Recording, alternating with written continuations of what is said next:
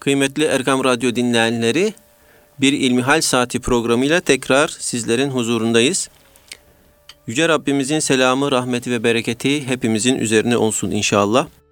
Sizlerden bize gelen soruları İlmi Araştırmalar Merkezimizin çok değerli hocalarından Doktor Ahmet Hamdi Yıldırım'a soruyorum ve kendisinden cevapları e, istirham ediyoruz.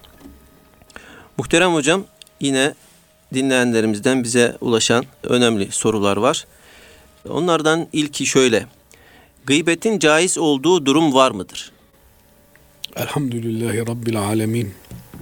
Salatu ve selamu ala Resulina Muhammedin ve ala alihi ve sahbihi ecmain. Cenab-ı Allah her türlü günahtan bizleri uzak tutsun. Amin. Afiyetini lütfetsin. Bu meyanda aklıma gelmişken İmam Rabbani Hazretlerinin mektubatında bir mektup gönderiyor. İmam Rabbani Hazretleri müritlerinden birine mektubunun konusu afiyet talep etmek.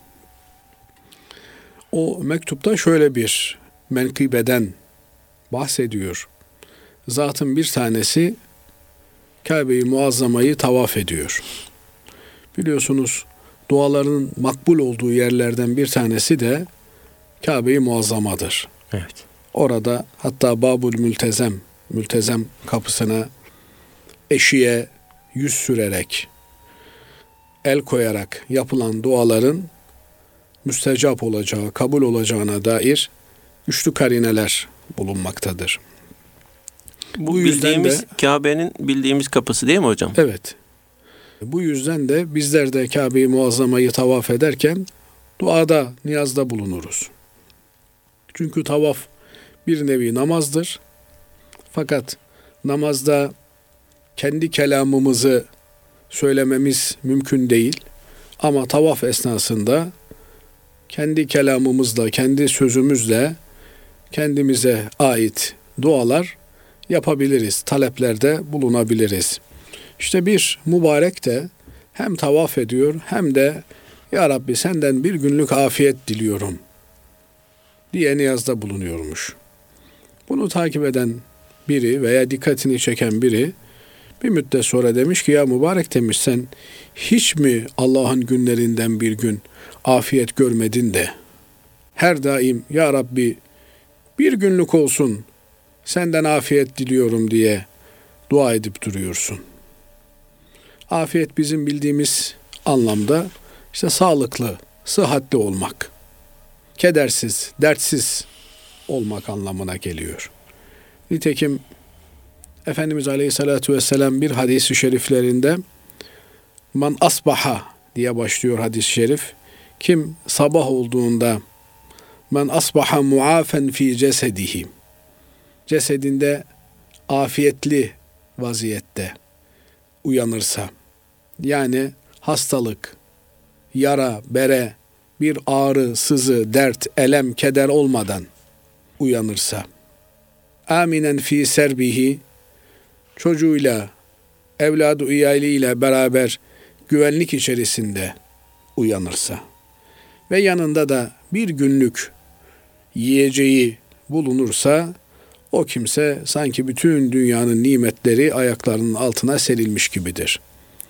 Demek ki gıda güvenliği, sağlık güvenliği ve tehdide, teröre karşı güvenlik içerisinde bulunan bir kimse bütün dünya nimetlerini elde etmiş gibi olur. Efendimiz Aleyhisselatü Vesselam'ın bu hadisinden de afiyet kelimesinin bedenimizde, vücudumuzda, ruh sağlığımızda, akıl sağlığımızda, vücut sağlığımızda bir problem olmaması olarak anlıyoruz. Dolayısıyla bu zata soruyor. Yani sen hiç böyle bir ağrısız, sızısız, dersiz, kedersiz bir gün geçirmedin mi de afiyet talep ediyorsun. Bu mübarekte dönüp diyor ki İmam Rabbani Hazretlerinin mektubundan bahsediyoruz. Birinci evet. cilde yüzlü mektuplardan sonraki bir mektup tam rakamını hatırlayamayacağım şimdi. Ama mektubun konusu afiyet talep etmek. Diyor ki o mektubunda İmam Rabbani Hazretleri bu zatın dilinden bir gün günah işlemeksizin geçirebilir isem o günü afiyetle geçirdim demektir.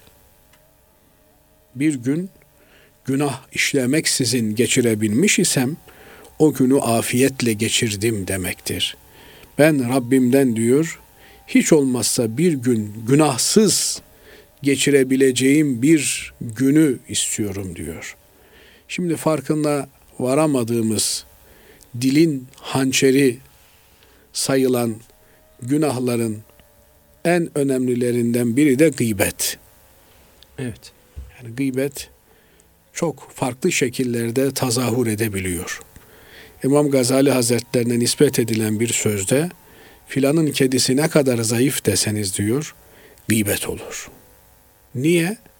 Demek ki filan cömert değil, hayvan haklarına riayet eden bir kimse değil, hakiki anlamda Allah'tan korkan bir kimse değil ki bu yüzden kedisi zayıf kalmış, bakımsız kalmış, ilgisiz, alakasız bırakılmış. Bu bir gıybettir diyor. Efendim elbisesiyle ilgili bir yorumda bulunsanız, ya şu ceketle şu gömlek hiç birbirine uymuş mu deseniz. Efendim ayakkabısıyla ilgili ya insan arada bir ayakkabısını boyatır gibi bir imada bulunsanız. Bunların hepsi gıybete giren şeylerdir. Niye gıybete giren şeylerdir?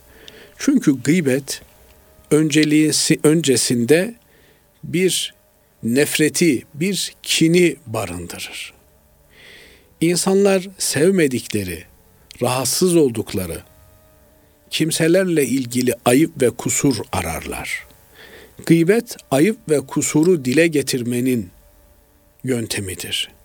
Binaenaleyh bir mümin diğer müminleri sevmek zorunda olduğundan, bu sevgi keyfe keder bir durum olmayıp, aksine imanın bir parçası olduğundan, sevdiği kimse ile ilgili de kusur kabahat bulamayacağından müminlere yönelik gıybet yapma imkanı pek bulunmaz, bulunmamalıdır. Eğer gıybet yapıyorsa demek ki gıybet yaptığı kişiyle ilgili içinde bir nefret barındırıyor. Ona karşı bir huzursuzluk besliyor demektir. Oysa bu imanla doğrudan alakalı bir durumdur. Müminlerin birbirlerini sevmesi, birbirlerini kardeş bilmeleri, birbirlerini dost benimsemeleri öyle kendilerinin keyfine bırakılmış bir durum değildir. İmanlarının olmazsa olmaz gereğidir. Müminler birbirlerinin dostudur. Birbirlerine yardım ederler. Birbirlerini iva ederler. Ne demek iva ederler? Barındırırlar. Onların nasıl maddi cesetlerini, vücutlarını, varlıklarını evlerine almak suretiyle barındırıyorlar ise aynı şekilde kusur, kabahat, suç, günah ne varsa başka bir mümin kardeşinde gördüğün onu saklamak, kendi bağrına gömmek durumundasın.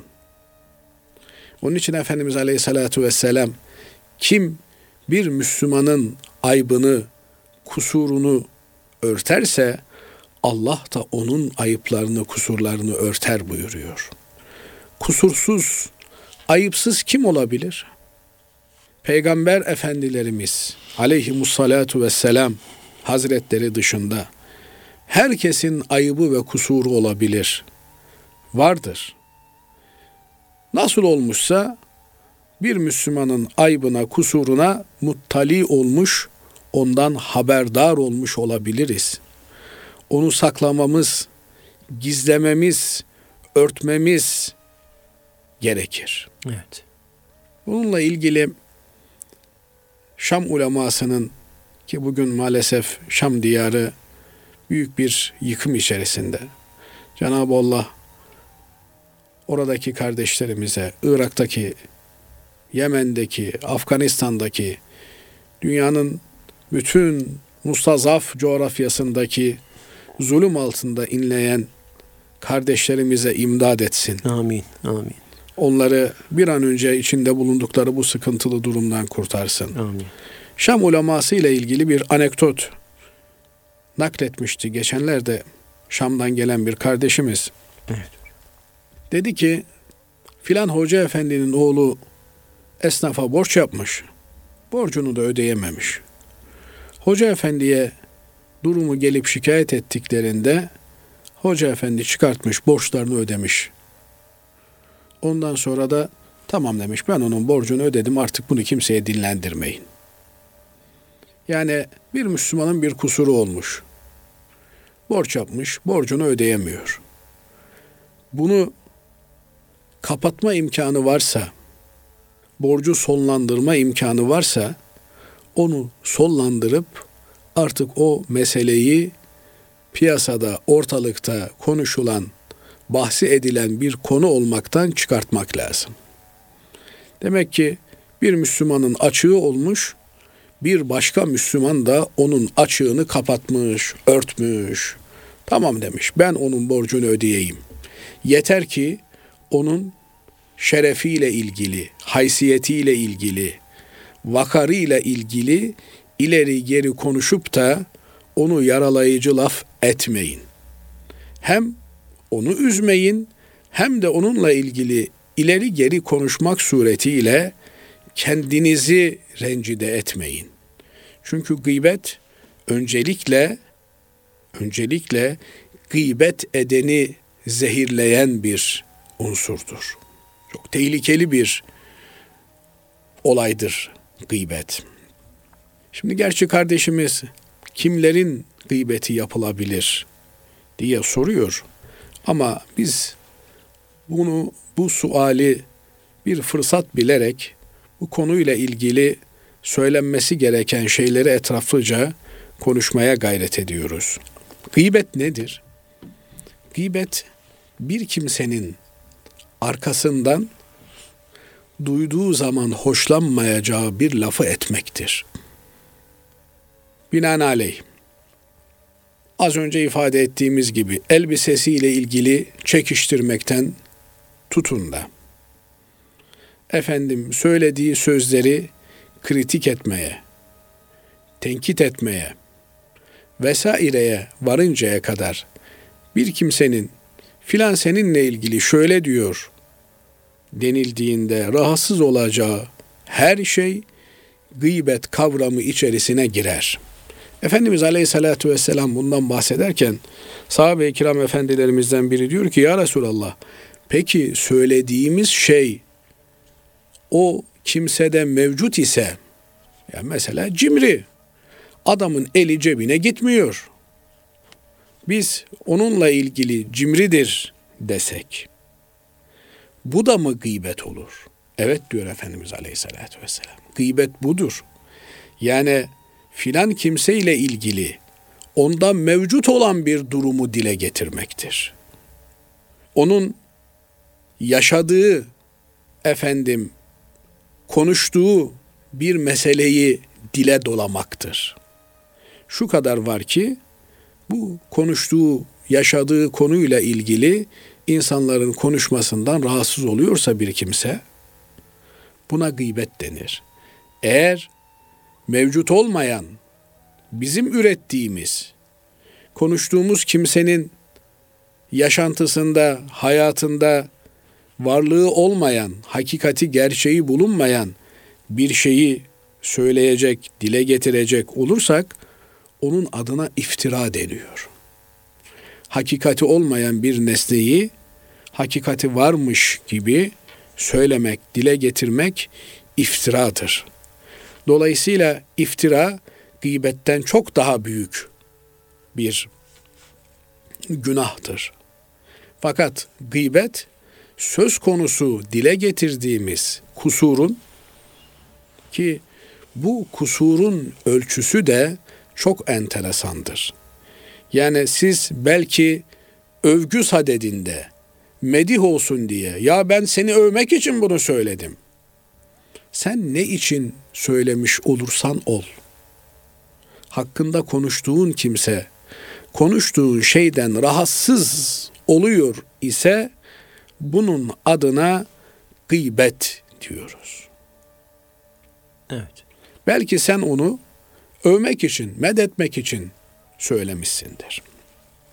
Özellikle de gıybetin derecelendirmesi yapılırken yani kimin gıybeti daha ağır bir gıybettir diye bir tasnif yapılırken bu tasnifin başına alimleri, kanaat önderlerini koymuşlar. Niye? Çünkü alimleri itibarsızlaştırmak, kanaat önderlerini itibarsızlaştırmak, onlardan istifade kanallarını kapatacağı için insanların onların sözlerinden yararlanmaları, onların eylemlerinden, fiillerinden istifade etmeleri imkanını ortadan kaldıracağı için çok tehlikeli bulunmuştur. Bu yüzden alimlerin gıybetini yapmak, sıradan Müslümanların gıybetini yapmakla eş değer görülmemiştir. Biliyorsunuz Hucurat suresinde ayeti kerime bir Müslümanın gıybetini yapmayı onun ölmüş olan cesedini, bedenini yemek olarak, onun etini dişlemek olarak adlandırmaktadır. Evet. Elbette insan ölüsünün etini yemek herkesin iğreneceği, kerih göreceği, çirkin göreceği bir meseledir. Kimse kalkıp da kardeşinin ölmüş olan cesedine diş vurmaz. Ma mafi vurursa da et yemiş olur diyor ayeti kerime. Fakat söz konusu gıybet edilen alim olmuş olursa Ettibyan fi adabi hameletil Kur'an adlı eserinde İmam Nebevi Hazretleri diyor ki alimlerin etleri zehirlidir diyor. Yani o zehirli eti yerseniz alimlerin gıybetini yaparsanız ölürsünüz. Öldürücü bir zehir yemiş olursunuz. Dolayısıyla alimlerin gıybetini yapmak kanaat önderlerinin insanlara fayda sağlayan, insanlara yararı dokunan kimselerin gıybetini yapmak çok tehlikelidir. Günahsız bir kimseyi arayan hiç kimseyi bulamaz. Öyle bir Arap şiiri var. Eğer kusursuz dost arıyor isen nihayet dostsuz kalırsın. Her dostun bir kusuru vardır. Her arkadaşın bir kusuru vardır. Dolayısıyla dostu da arkadaşı da kusurlarıyla, ayıplarıyla kabul etmek durumundayız. Binaenaleyh hiç hatası olmayan, kusuru olmayan, yanlışı olmayan sadece ve sadece Hazreti Peygamber aleyhissalatu vesselam Efendimiz'dir. Onun dışındakilerle ilgili İmam Malik Hazretleri'nin şöyle güzel bir sözü var. Mescid-i Nebi'de Efendimiz aleyhissalatu vesselamın mübarek kabirlerini göstererek şurada yatan zatın dışında herkesin sözü alınır da reddedilir de. Kabul de edilir, kabul edilmeye bilir de. Dolayısıyla ne kadar büyük bir kimse olursa olsun onun sözlerinin içerisinde kabul edeceğimiz şeyler de bulunur, kabul edemeyeceğimiz şeyler de bulunur, bulunabilir. Dolayısıyla biz kabul etmiyoruz diye onun büyüklüğüne, onun şanına, şerefine de bir halel gelmez. Bir eksiklik peyda olmaz, ortaya çıkmaz. Binaenaleyh eğer bir alimin şahsi bir kusurunu görmüş isek, bakın burada suçun şahsiliği, günahın şahsiliği, kusurun şahsiliği meselesi vardır. Adamın yanlış bir hareketini gördük. Büyük bir alim. Büyük bir Allah dostu. Ama bir yanlışını gördük. Olabilir mi? Olabilir. Hepimiz insanız. İnsan demek günaha namzet demek. Evet. İnsan demek potansiyel günah işleyebilecek varlık demek. Günah işleyebiliriz. Böyle büyük bir alimin, bir kanaat önderinin bir günahına talihsizlik ya tesadüf ettik. Bize düşen onu saklamak, gizlemek, onunla ilgili hiçbir kimseye bir beyanda bulunmamaktır. O günahın lafını, sözünü etmemektir. Niye? Gizli bir yerde bir suç işlemiş, günah işlemiş. Zaten olayın gizli bir yerde işlenmiş olması adı üstünde gizli kalmasını gerekli kılıyor. Binaenaleyh kim olursa olsun özellikle de toplumun önünde gelen kanaat önderi durumundaki ister siyasi önder olsun, ister ilmi önder olsun, ister farklı bir alanda toplumun önünde topluma kanaat önderliği yapan bir kişi olsun. İsterse de sıradan bir Müslüman olsun. Ama ne kadar toplum için önemliyse onunla ilgili gıybet de o kadar ağır bir suç ve günah haline gelmektedir. Bu kimselerin şahsi, indi, kişisel eğer bir kusuru, bir ayıbı söz konusu ise bunu faş etmek, ifşa etmek, duyurmak, yaymak, dile dolamak gıybettir, çok büyük bir günahtır. Dolayısıyla şu iki şeyi birbirinden ayırt etmek lazım. Derler ki fasık alimin gıybeti olmaz. Bu fıskını aleni olarak, günahını aşikar olarak işleyen bir kimse içindir. Yoksa gizli kapaklı kimsenin görmesini istemeyerek yaptığı bir yanlış varsa söz gelimi sigara içiyor. Evet. Ama elinden geldiği kadar kimseye göstermemeye çalışıyor. Gizli, tenha bir yerde içiyor. Siz olacak ya gördünüz.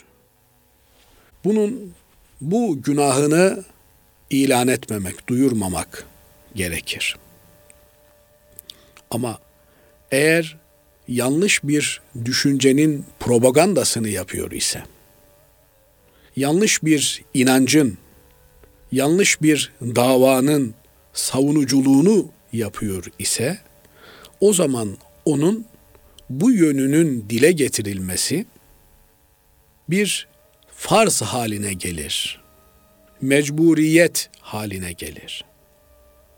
Buna hadis ilminde cerh ve tadil diye adlandırdığımız hadis ravilerinin kritiği ilminde yoğun olarak rastlarız. Filan kimse yanlış bir itikada sahiptir. Ondan ilim öğrenmeyesiniz. Filan kimse işte kaderi inkar ediyor. Kabir azabını inkar ediyor.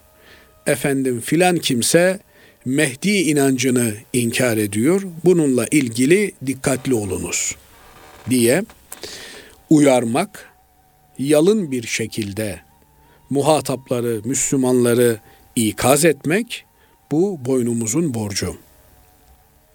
Ama kişilerin şahsi günahlarını veya gizli işledikleri kabahatleri, suçları araştırmak, tecessüs etmek, onlarla ilgili dedikodu yapmak, gıybet yapmak asla ve asla caiz değildir.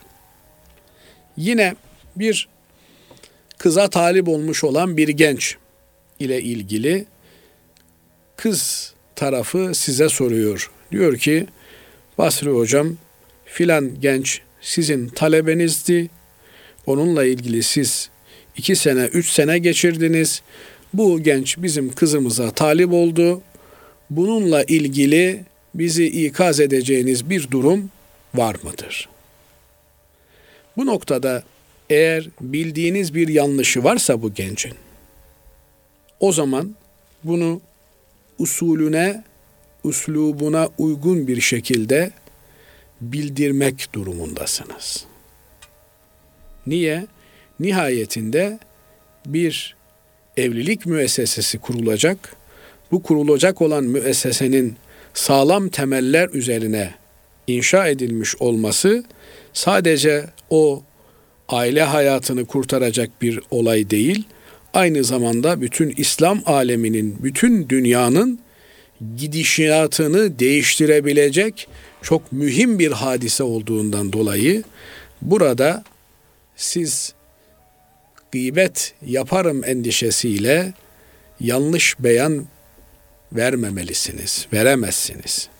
Ama diğer taraftan gıybet yapmak gibi de çok tehlikeli bir durum söz konusu. İşte burada kullandığımız kelimeleri özenle, dikkatle seçmemiz gerekiyor. Sadece maksada yönelik, makama yönelik beyanda bulunmamız gerekiyor. Efendim, işte namazı ile ilgili problem varsa ben o delikanlıyı işte şu kadar süredir camiye gelirken görmedim diye. Veya efendim eğer kötü bir alışkanlığı varsa zaman zaman sigara içerken gördüm. Türünden olabildiğince yalın ve maksadı tahsil edici, gayeyi oluşturucu şekilde beyanatta bulunmak caizdir. Ama bunun dışında bir kimsenin damgalanması toplumda artık kötü olarak bilinmesine yol açacak şekilde ifşa edilmesi Allah muhafaza etsin o kimseyi günaha karşı da duyarsız hale getirecektir. Hocam burada araya girmek istiyorum. Yani bu son söylediğinizle ilgili yani toplumda dolandırıcı hani tırnak içinde veyahut da borcunu ödememeyi adet haline getirmiş bazı kişiler olabilir. Yani bu manada onları da mesela söylememek mi gerekir? Yani e, söz gelimi laf açıldı e, bir şahıstan ama siz biliyorsunuz ki bu şahsın böyle bir alışkanlığı var. Bunu yani gizlemek mi lazım? Şöyle söyleyebilirsiniz. Söz gelimi filan kimse benden borç istiyor Basri hocam. Ben bu kimseye borç vereyim mi? E, verdiğimde geri öder mi diye size sorulduğunda eğer onunla ilgili yaşamış olduğunuz bir tecrübe varsa işte ben 3 sene kadar önce kendisine 3 bin lira bir borç vermiştim ama e, müteaddit defalar istememe rağmen kendisi ödeyebilme imkanına kavuşamadı şeklinde evet. yalın bir ifadeyle ikaz etmek gerekir. Burada şu iki ucu tehlikeli ortamda olduğumuzu unutmamamız gerekiyor. Evet. Biri bir Müslümanın haysiyetiyle, şerefiyle ilgili karalayıcı propaganda yapmak anlamına gelen gıybet, diğer taraftan da bir Müslümanın zararını, efendim kaybını doğuracak bir şekilde bir davranışta bulunmak. Evet. Bu iki e, tarafı da keskin olan meselede dikkatli hareket etmek gerekiyor. Evet. Yani eğer ödeme problemi yaşayan bir kardeşimiz ise onu kırıcı olmayan, rencide edici olmayan ifadelerle beyan etmek gerekiyor. Çünkü diğer taraftan bir Müslümanın malının yok yere heder edilmesi söz konusu olacaktır. Evet hocam. Yani özetlemek gerekirse e, belki biraz dağıtmış olduk konuyu ama evet. kimin gıybeti yapılır? Kimsenin gıybeti yapılmaz. Ama eğer gıybetini yapmak ile yapmamak arasında bir tercih mecburiyeti doğarsa burada duruma bakılır. Eğer bildiğimiz bilgiyi aktarmamamız durumunda daha büyük bir tehlike ortaya çıkacaksa, mesela bir Müslümanın aldanması, yanlış birine kızını vermesi, yanlış bir kişinin peşinden gitmesi, ona bağlanması, yanlış bir kişiyle ticaret yapması, yanlış bir kişiden ilim tahsil etmesi gibi tehlikeli bir boyut ortaya çıkacaksa ve bu tehlikeyle o kişi hakkında konuşmayı yan yana getirdiğimizde bu taraf ağır basıyorsa o noktada ihtiyatlı bir şekilde bildiklerimizi o konuyla ilgili olmak kaydıyla aktarmamıza müsaade var. Onun için fıskı aleni olan yani günahını aşikar olarak işleyen ve saklanması halinde zarar doğurması muhtemel olan şeylerde konuşmaya ruhsat var. Efendim e, diğer bir sorumuz şöyle. Peygamber Efendimiz Aleyhisselam'la ilgili yeni bir film yapılmış ve burada bebeklik halini gösteriyorlar. E, bu filmle ilgili görüşleriniz nelerdir? Evet önemli bir konu. Ben filmi seyretmedim ama birkaç gündür filmle ilgili birçok yorum duyuyoruz. Filmi seyredenlerin filmle ilgili aktardıkları bir takım hususlar var. Öncelikli olarak şunu ifade edeyim ki temel bir kuralımız var. Der ki bu kural El hukmu ale şey fer'un min tasavvurihi. Bir şeyle ilgili yargıda bulunabilmek öncelikle o şeyi tasavvur etmeye, zihinde canlandırmaya, onunla ilgili malumat sahibi olmaya bağlıdır. Yani bir filmin seyredilip seyredilemeyeceğine karar verebilmek için öncelikle onu seyretmek, görmek gerekiyor. Evet. Ondan sonra bunun seyredilip seyredilmeyeceğini bir başkasına tavsiye etmek veya etmemek durumunda insan olabilir. Fakat bu öyle bir şey ki aynı zamanda da bir zehirlenmeyi de beraberinde getiriyor. Tabiri caizse bir yemeğin zehirli olup olmadığını tadarak test etmek, ondan sonra da onun zehirli olduğuna hüküm vererek başkalarının yememesini tavsiye etmek gibi bir şey. Ama bu arada Zehirlenmiş olan oluyorsunuz. size oluyor, Evet. test eden, tadan kimseye Evet. oluyor. Nitekim bununla ilgili de yine sosyal medyada filmi seyreden bir takım kimseler, gazetecileri, yazarlar ben seyrettim ama keşke seyretmeseydim. Her sahnesinde tövbe ederek seyrettim diye ifadelerde bulunuyorlar. Binaenaleyh biz filmin estetik açıdan kritiğini yapabilecek durumda değiliz. Çünkü sinemografi altyapımız, bilgimiz Evet. yok. Fakat filmle ilgili ortada konuşulan şeyler soruda sorulduğu gibi eğer Efendimiz aleyhissalatu vesselamın herhangi bir şekilde tasviri söz konusu ise herhangi bir şekilde biri tarafından Efendimiz aleyhissalatu vesselamın rolü üstlenilmiş ise bunlar zinhar haram ve çok tehlikeli şeylerdir. Nitekim biliyorsunuz bir Muhterem hocam acaba Peygamber Efendimizin malum 40 yaşında peygamberlik geldi. Ondan öncesi mesela bebeklik deniliyor ya. Yani bebekliği de bu şekilde dahil midir? Yani tasvir edilmesi. Peygamber olmadan önceki hali. Ha, güzel bir noktaya temas ettiniz. Biliyorsunuz peygamberlik makamı kesbi bir makam değildir. Yani çalışıp kazanma ile elde edilen bir makam değildir. Peygamberlik makamı istifa makamıdır. Yani Cenab-ı Allah kulları arasından seçer. Seçme işlemi tamamen Cenab-ı Allah'a aittir kulları arasından kimin peygamber olacağı Cenab-ı Allah'ın ihtiyarı, istifası, iştibası, özel seçimi ile gerçekleşir. Binaenaleyh bu seçim peygamber olacak kişinin doğumundan önceki bir seçimdir.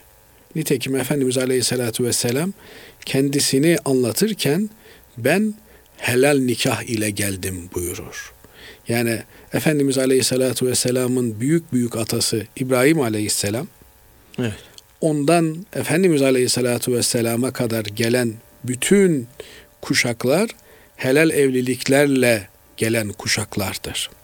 Dolayısıyla buradan da anlayabiliyoruz ki Efendimiz Aleyhisselatü Vesselam'ın sadece kendisi değil, büyük atası olan İbrahim Aleyhisselam'dan beri bütün o nübüvvet nurunu taşıyan kuşaklar seçilerek gelmiş olan kuşaklardır. Binaenaleyh Efendimiz Aleyhisselatü Vesselam doğduğunda peygamber olarak doğmuştur. Peygamberliği kendisine 40 yaşında tebliğ edilmiştir. Hmm. Bu yüzden bakarsanız peygamberlerin ismet sıfatları onların doğumuyla beraber onlarla devam ede gelir. Hmm. Aksi halde insanlar ya dün senle beraber biz şunu yapıyorduk. Şimdi kalkmışsın peygamber olduğunu söylüyorsun derler. Bu yüzden bakıldığında peygamberler küçüklüklerinden itibaren, bebekliklerinden itibaren korunmuş kimselerdir. Seçilmiş kimselerdir. Binaenaleyh 40 yaşında kendisine peygamberlik verilen aleyhissalatu vesselam Efendimizin ondan sonra tasvirini yapmak caiz değildir, ondan öncesi tasvir edilebilir diye bir şey söylenemez. Söylendiğinde şöyle bir tehlike ortaya çıkar. Yine Efendimiz Aleyhisselatü Vesselam peygamberlikle beraber suret değiştirmedi ki. Yani peygamberlik verilmeden önce hangi surette ise, hangi sirette ise aynı şekilde aynı sireti ve aynı suretiyle beraber kendisine peygamberlik verilmiş oldu. Binaenaleyh o makamın peygamberlik makamının sahibi olan Hz. Muhammed Mustafa sallallahu aleyhi ve sellem Efendimizin hiçbir aşamada, hiçbir merhalede ne çizgi karakter ile ne de bir başkasının rol almasıyla hayatının gösterilmesi caiz olmaz, olamaz. Az önce ifade etmeye çalışıyordum. Siz bu noktayı e, sordunuz. Evet. Mesela Efendimiz Aleyhisselatü Vesselam'ın amcası bir filmde gösterildi. Şimdi Hazreti Hamza denildiğinde birçok kimsenin aklına işte filan e, herif evet. geliyor. Yine Efendimiz Aleyhisselatü Vesselam'ı resmedilmesi veya işte bir role giydirilmesi, bir kişi tarafından oynanması söz konusu olursa yine Efendimiz Aleyhisselatü Vesselam konuşulduğunda, ona salatü selam okunduğunda o kimse ister istemez zihnimize gelecek demektir. Evet. Oysa bizim medeniyetimizde resim yasaklanmış. Resmin yasaklanmasının temel sebeplerinden biri de resimlerin zamanla kutsallaştırılması, tapılır hale gelmesidir. Resim ve heykelin yasak olmasının sebebi budur.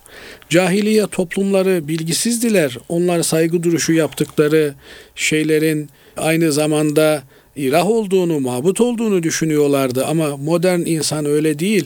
O saygı duruşunu saygı duruşu olarak yapıyor filan gibi güzellemeler doğru şeyler değildirler.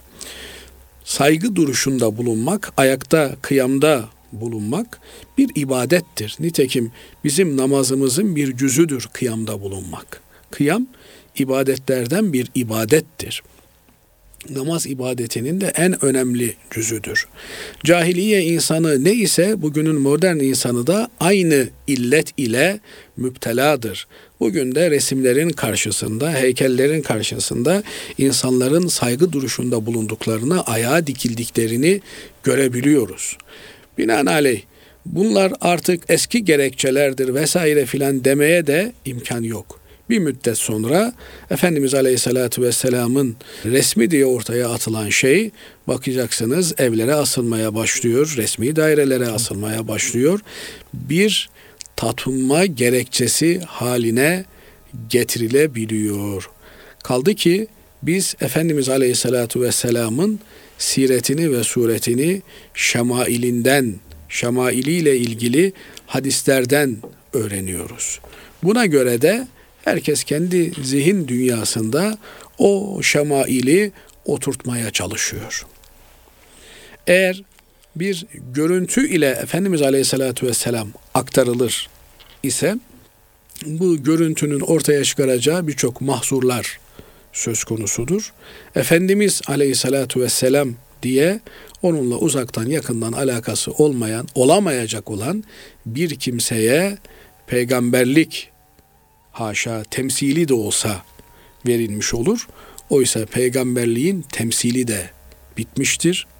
Hakikisi de bitmiştir. Aleyhissalatu vesselam Efendimizle beraber Müslümanların böyle bir şeye ihtiyacı yoktur. Nitekim Hz. Ali Efendimiz'i resmeden kimseler bir resmi Ali diye radıyallahu teala an millete yutturmaya çalışmaktadırlar. Bir başkası bir başka şekilde resmetmektedir. Dolayısıyla muharref Tevrat gibi muharref resimler ortaya çıkabilmektedir. Bunlara bizim inancımıza yönelik çok ciddi müdahaleler anlamına gelmektedir. Diğer bir yönüyle yine yapılan yorumlardan aktarıldığı kadarıyla Efendimiz Aleyhisselatü Vesselam'ın yanında bulunan Çihar-ı Yar Güzin dediğimiz dört büyük halifenin adı esamisi okunmaz iken Hazreti Ali Efendimiz Efendimiz Aleyhisselatü Vesselam'ın nubuvvet makamının sanki eş temsilcisiymiş gibi resmedilmekte, gösterilmeye çalışılmaktadır. Bu da itikadi olarak çok yanlış bir şeydir. Müslüman olmanın Müslüman olmanın olmazsa olmaz şartlarından bir tanesi de Efendimiz Aleyhisselatü Vesselam'dan sonra ümmetin kabul ettiği Ebu Bekir Efendimiz'i Peygamberimizin halifesi olarak kabul etmektir ondan sonra ümmetin kabul ettiği, icma ile kabul ettiği Hazreti Ömer Efendimiz'i halife olarak kabul etmektir. Bu iki büyük sahabe efendimizi Hazreti Peygamber aleyhissalatü vesselam Efendimizin yanında yokmuş gibi göstermek, bunlardan bahsetmemek, bunları keenlem yekün kabul etmek, hiç varid olmamış, yaşanmamış olarak görmek veya göstermek yine İslam inancına yapılabilecek en büyük cinayetlerden biri olur. Binaenaleyh ben bu hususta akli selim sahiplerinin yönlendirmeleri ve beyan ettikleri kanaatleri yerinde bulunarak kesinlikle bu filmin izlenmemesi gerektiğini düşünüyorum. Kendim kesinlikle izlemeyeceğim ve bana soranlara da izlememelerini tavsiye ediyorum. Elbette film bugünkü çağda, bugünkü asırda kullanılabilecek en iyi tebliğ araçlarından biridir. Fakat kaş yaparken göz çıkartmak diye bir tabir var bizim evet. lisanımızda. Bunun usulüne, esasına uygun olarak yapılması gerekiyor. Mutlak surette konunun uzmanları tarafından çok iyi etüt edilerek, çalışılarak gerçekleştirilmesi gerekiyor. Şunun da yanlış olacağı kanaatindeyim. Filmi yaptıktan, bitirdikten sonra gelelim işte Din İşleri Yüksek Kurulu'na arz edelim. Oradan bununla ilgili bir fetva çıkartalım. Evet. Böyle bir şey de doğru bir şey değil. Bu iş eğer yapılacak ise ki mutlaka İslam'ı anlatan, tanıtan filmler yapılmalı. Bu sektöre çok ciddi emek harcanmalı ama bitirilmiş olan filmi gelip heyete arz etmek şeklinde değil, filmin her aşamasında heyetle beraber çalışarak herkesin kabul edebileceği sinemografi dili itibarıyla da gayet estetik ve güzel bir yapıt ortaya koyacak şekilde inancımızı, amelimizi aksettirecek bir film yapmak durumundayız. Maalesef burada sevad-ı azamı teşkil eden, ümmetin kahir ekseriyetini teşkil eden Müslüman inancı yerine küçük bir azınlığın, marjinal bir ehli sünnet dışı grubun bakış açısının egemen olduğu ifade ediliyor. Bu noktalara da dikkat etmek gerekiyor. Cenab-ı Allah yanlıştan bizleri muhafaza eylesin. Amin. Bir takım yanlışlar var ki bunlar kalıcı etkiler meydana getiriyorlar. Zaten günahın en tehlikeli olan boyutu o Basri hocam. Evet. Yani günah işleriz. İnsan olarak zaten insansak günah işlemeye potansiyelimiz var demektir. Ama o günah zihinde iz bıraktığı için, hatırada bir yer, yekün teşkil ettiği için hayat boyu bize ızdırap veriyor.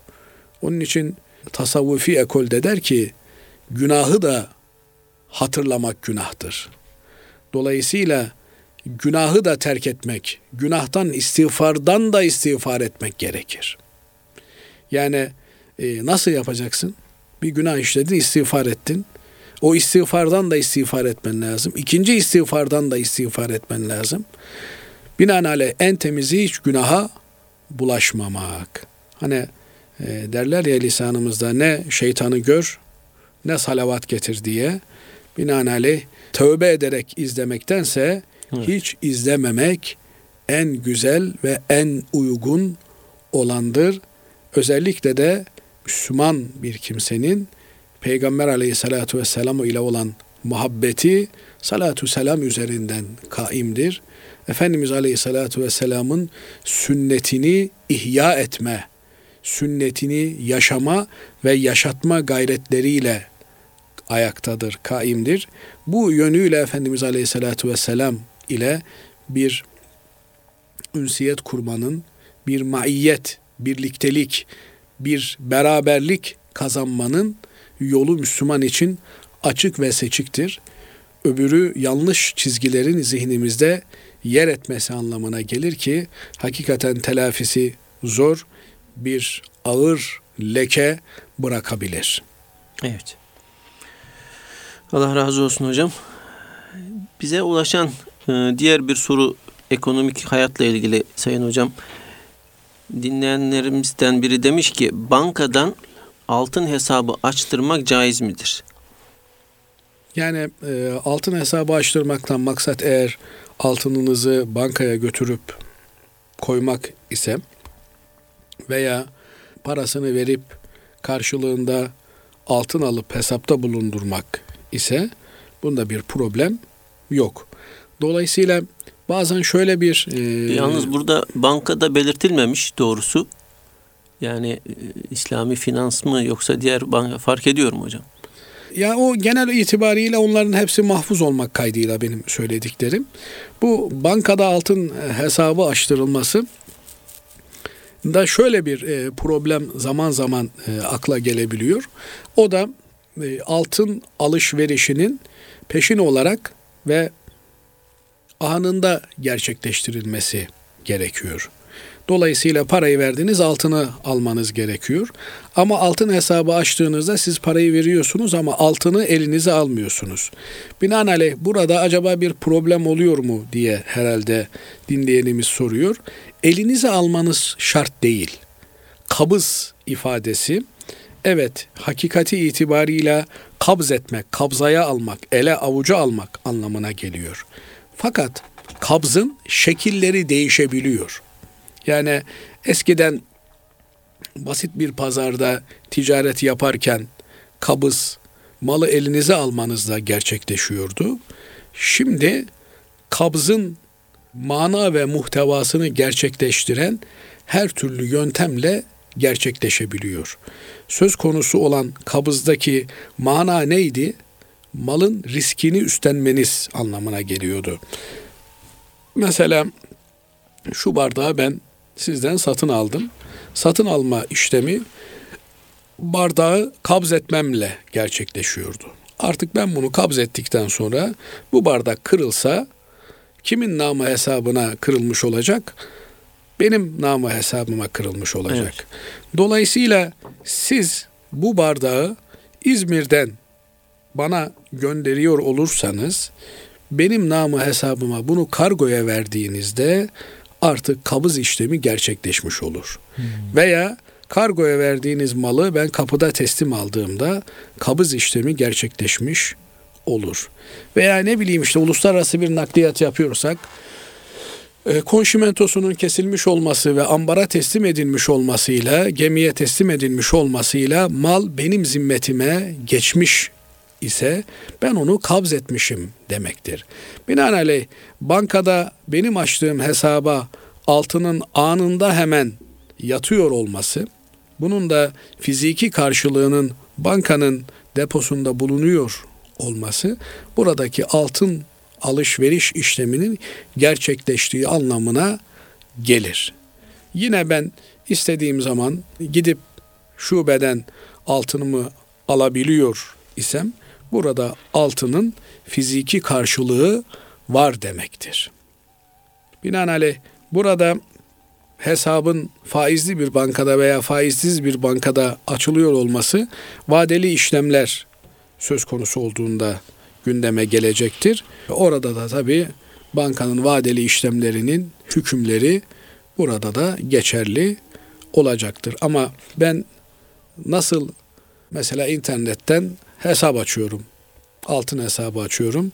Parayı bir tıkla ödüyorsam altında bir tıkla benim hesabıma geliyor.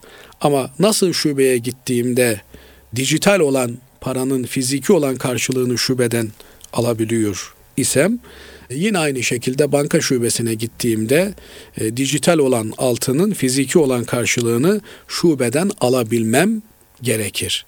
Aksi halde burada tamamen bir itibari durum söz konusu olur ki bu tartışmalı hale gelir. Evet hocam.